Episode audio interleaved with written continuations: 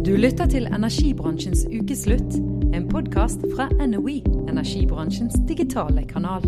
Hvor viktig er gassen for Norge, og er den så forurensende som eh, noen mener? Jeg heter Anders Lie Brenna, jeg er ansvarlig redaktør i NOE, og med meg i dag så har jeg Hildegunn Blindheim fra Norsk olje og gass, hvor hun er direktør for klima og miljø. Energibransjens ukeslutt presenteres av ledige stillinger på noe.no. Hvor viktig er gassen for Norge? Gassen er veldig viktig for Norge. Vi eksporterer mer gass enn det vi gjør olje nå. Eh, tidligere var det jo ikke slik, men eh, de siste årene så har vi i såkalt standard kubikkmeter eksportert mer gass enn olje til markedene. Så vi har egentlig ikke et oljefond, vi har et gassfond, og vi har ikke et olje- og energidepartement, vi har et gass- og energidepartement? Ja, vi har i hvert fall et olje- og gassenergidepartement og et olje- og gassfond. Og det vil det jo også være framover. Men forskjellen mellom gass og olje er jo at vi eksporterer gassen, eh, 99% av den, til Europa gjennom rør.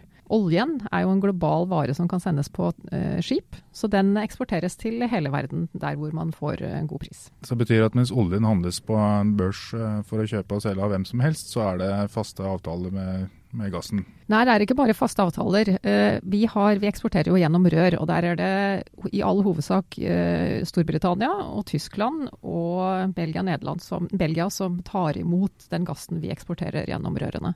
Noe av gassen er gjennom langsiktige avtaler, og noe er på spotpris. Det avhenger helt fra dag til dag hvor stor prosentandel det, det går på. Bruker vi noe særlig av den gassen som vi utvinner, bruker vi noe særlig av den i Norge? Veldig lite. Eh, det aller, aller meste eksporteres. For i Norge så trenger jo ikke vi gass til eh, oppvarming i hus. Vi trenger ikke gass til, eh, til det som, de, som europeerne bruker. Vi trenger ikke gass til å lage elektrisitet. I Norge så har vi vannkraft. Det er det som er hovedelektrisitetskilden vår. Men i de aller fleste europeiske land så har de ikke nok elektrisitet fra vannkraft eller sol og vind, så de bruker gass og kull og atomkraft til å lage det. Gassen eh, står for omtrent 30% av elektrisitetsproduksjonen i Europa. I tillegg så går omtrent 30 av gassen i, som Europa bruker, til industri, eh, enten som eh, oppvarming og energikilde, eller som innsatsfaktor for å lage produktene. Og så går så mye som 40% av gassen som vi eksporterer til Europa, til å varme opp og kjøle av hus og næringsbygg i Europa. Men gassen er jo en fossil energikilde. Hvorfor bør ikke Europa heller satse på fornybare energikilder som eh, vindkraft og solkraft og den type? Det gjør det i aller høyeste grad, og det bygges ut i stor skala og i veldig tempo. Likevel så er jo sol og vind det er variabel energi, og du er alltid nødt til å ha en sånn base så du er sikker på at alle all industri og hele befolkningen har nok eh, elektrisitet eh, hele tiden. Atomkraft kan produsere hele tiden, men den greier ikke å, variere veldig produksjonen fra atomkraft og kullkraft. Men gass kan du jenke opp og ned, alt ettersom det blåser eller er sol eller ikke. Så gass er en veldig god partner med fornybar energi, og har veldig mye lavere utslipp enn f.eks. kull. Så for Europa hvor vi eksporterer gassen, der bruker vi gassen sånn som vi bruker vannkraften som kan reguleres opp og ned, så er det gassen som brukes til å regulere i Europa når de kjøper den inn? Nettopp.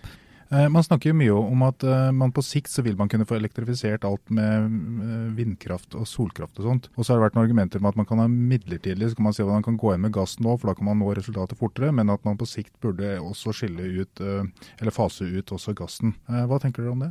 Jo større andel fornybar energi som er variabel vi kommer til å få i miksen i Europa, jo vanskeligere blir det å balansere ut elektrisitetsmarkedet. Her er det jo, Dette er jo elektroner, så her må man produsere akkurat like mye mye som man får solgt. Man, ikke, man kan til en viss grad bruke batterier til å balansere, men ikke i den skalaen som trengs når du har forskjell mellom sesonger. Vi bruker mye mer til avkjøling på, på sommeren, veldig mye mer til eh, oppvarming på vinteren. Det vi ser f.eks. i Storbritannia, er jo at vi eksporterer veldig mye mer gass til Storbritannia på vinteren. Så vi er batteriet, vi er et gassbatteri for eh, Storbritannia når de ikke har nok produksjon av eh, sol og vind. Hvordan er det med gassen? Er det forskjell på hvor forurensende den er, avhengig av hva slags type gass, eller hvor man utvinner den, eller prosessen man jobber med den? Er det store forskjeller på det? Ja, det er nok en del forskjeller, men det som er hovedpoenget er at den er mye mindre forurensende enn kull. Og F.eks. Storbritannia i går hadde en av sine første dager hvor de overhodet ikke brukte kull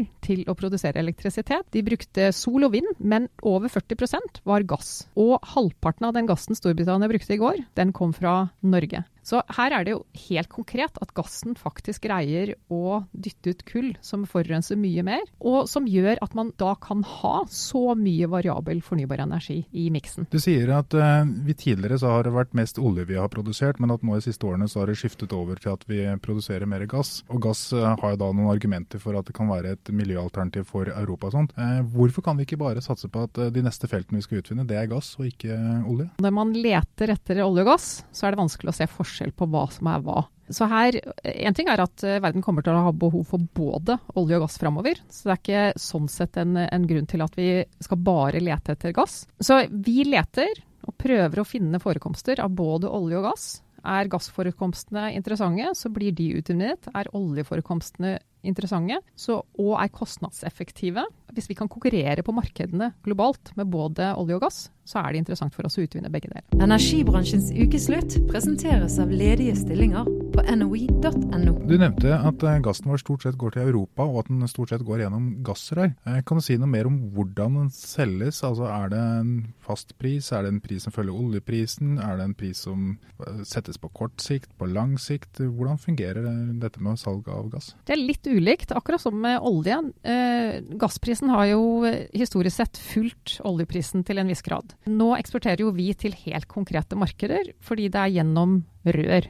Og noen av kontraktene er langsiktige kontrakter med kunder som ønsker å ha en sikkerhet i at de får gass fra Norge. Og noe selges på spot. Så dette, dette er hvor mye prosent som er på langsiktig og hvor mye prosent som er på spotpriser. Sånn dag-til-dag-trading, det er ulikt. Er det mulig å si noe om uh, hvorvidt uh, oljen og gassen er dyrere, billigere enn hverandre eller like dyre, eller er det umulig å si noe om at det er epler og pærer man sammenligner? Ja, det er litt epler og pærer, for de går til veldig ulike markeder. Det vi vet er jo at det er forskjell oljeprisen er mye mer jevn og global. Eh, på gassen så det, har det typisk vært tre soner. I USA så har den vært billigere, i Europa så har den vært hakket dyrere, kanskje omtrent dobbelt så dyr. Og i Asia og Japan så har den vært tre ganger så dyr som i USA. Og det er jo fordi oljen kan vi putte på et skip og sende eh, hvor som helst, alt ettersom hvor man får best pris. Gassen må gjøres om til å bli flytende for å kunne eh, puttes på skip, og det gjøres ikke i stor nok skala enda.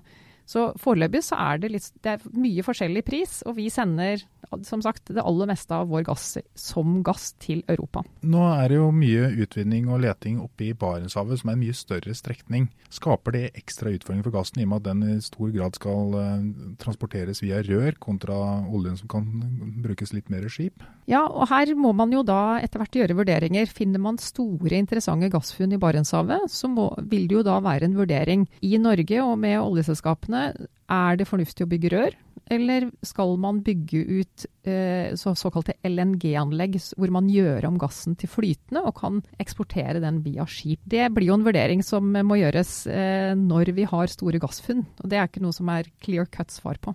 Ok, Så det er egentlig litt lettere i Barentshavet og hvis man finner olje, og henter ut oljen fordi den transporteres stort sett på skip, enn det er hvis man finner gass? altså?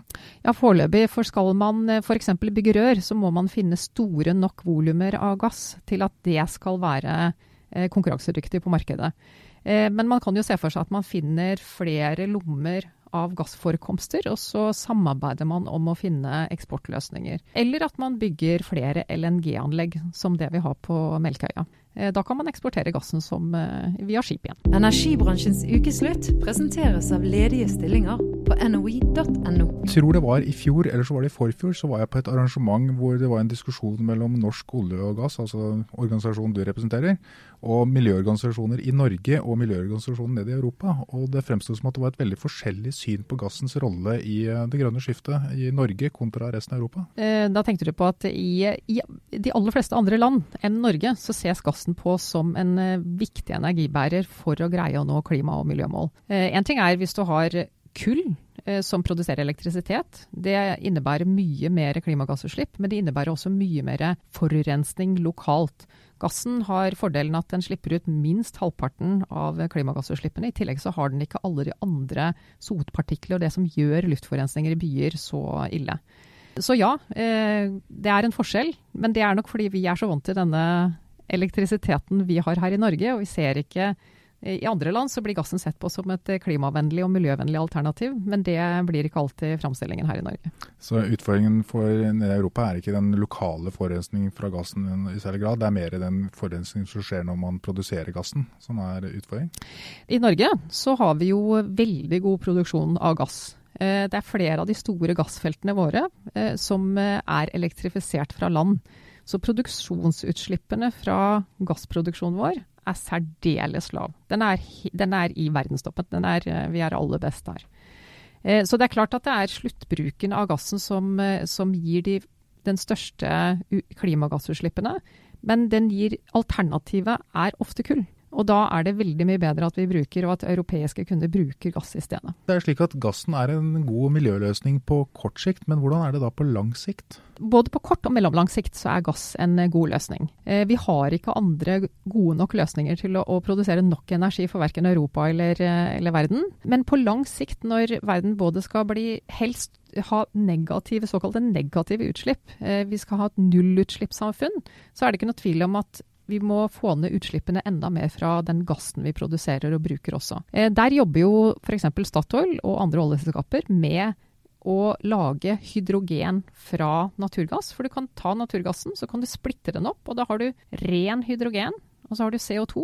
Lagrer vi da CO2-en på sokkelen, som vi har gjort i 20 år allerede, så kan vi selge naturgassen vår som et nullutslippsenergi til Europa. Og det kan både brukes i gasskraftverk, det kan brukes i husholdningene.